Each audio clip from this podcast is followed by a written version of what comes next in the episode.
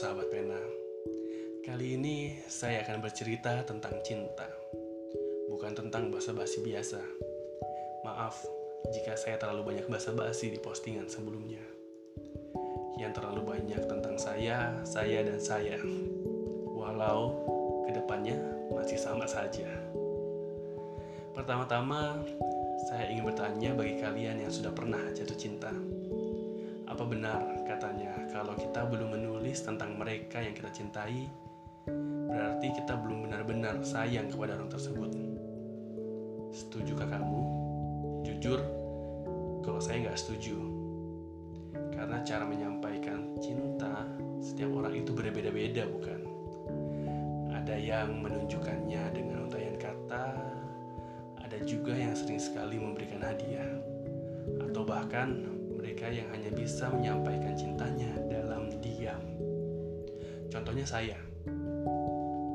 Saya pernah mencintai seseorang bertahun-tahun, tapi tak satu puisi pun dapat saya buat.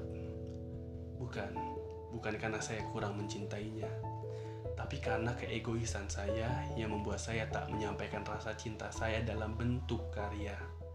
Saya ingin menikmatinya sendiri walau akhirnya dia pergi ya tak apa jodoh sudah ada yang mengatur bukan kali ini berbeda saya mencintai dengan air mata tawa cerita dan setiap sentuhan yang kadang kita juga lupa siapa yang memulai ini semua yang pertama air mata saya rasa ini semua dimulai ketika saya terlalu banyak ditinggal pergi.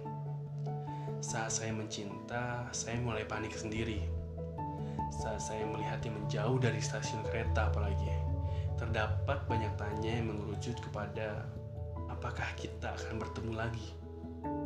Baru sedetik saja ditinggal pergi, rindu sudah datang dalam hati ingin sekali rasanya menariknya kembali dan berkata, "Tak usah pergi." Tapi apa daya, aku tak punya kuasa sebesar itu. Hanya air mata yang kadang menenangkan rinduku. Yang kedua, tawa. Ini bumbu paling manis, tapi aku suka. Tidak bikin sakit gula, justru membuatku kadang lupa jam kerja. Bukan hanya sekedar mulutmu yang melebar, tapi matamu juga ikut bersinar, membuat hatiku kadang semakin bergetar.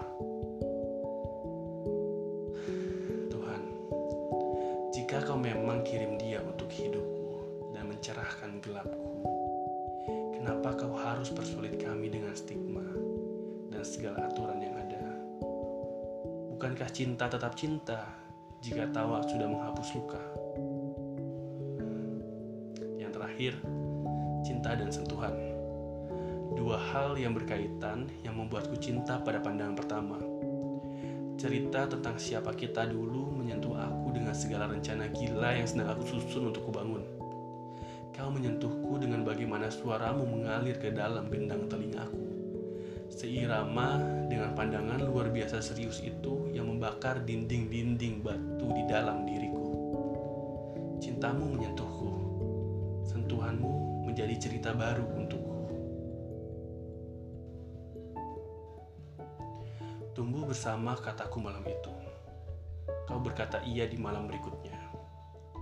Kau bertanya, apa alasan kita begitu terburu-buru? Aku hanya menjawab, tidak tahu. Yang aku tahu, kamu tak perlu meragu. Bukan aku yang terlalu cepat ingin merapat tapi semesta yang terlalu lambat memberikan isyarat.